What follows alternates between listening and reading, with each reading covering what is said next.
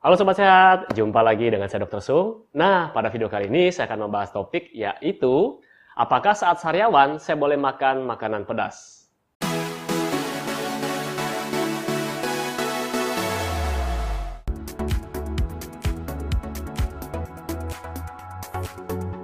Oke, jadi sebelum saya bahas ini semua, di sini siapa yang pernah sariawan dan terus apa yang Anda lakukan? Silahkan komen di bawah.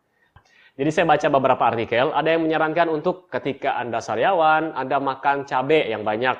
Katanya mengandung vitamin C. Terus ada yang menyarankan ambil jeruk nipis terus tempel di sariawannya. Nah, untuk hal itu saya bilang itu keliru ya.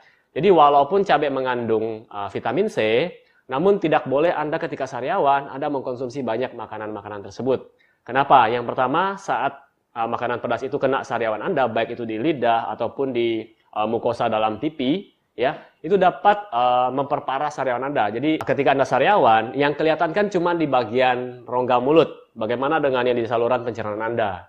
Kecuali sariawan Anda mungkin cuma tergigit, misalnya Anda lagi makan tapi sambil bicara, akhirnya lidah Anda tergigit. Nah, kalau seperti itu berarti cuma di lokal.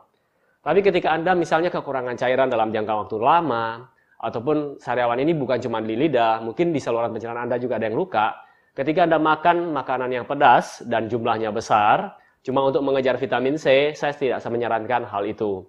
Jadi caranya bagaimana? Nah, ada sebagai konsumsi makanan yang bergizi yang mengandung protein untuk bahan dasar sel, dan Anda bisa mencari sumber vitamin C dari yang lain, misalnya dari buah-buahan, ataupun Anda boleh tambahkan dengan suplemen. Oke, jadi ada salah satu metode uh, alternatif yang dapat Anda lakukan di rumah ketika Anda sariawan. Anda boleh berkumur dengan air garam. Nah, air garam ini dipercaya dapat menghambat proses perparahan dari infeksi.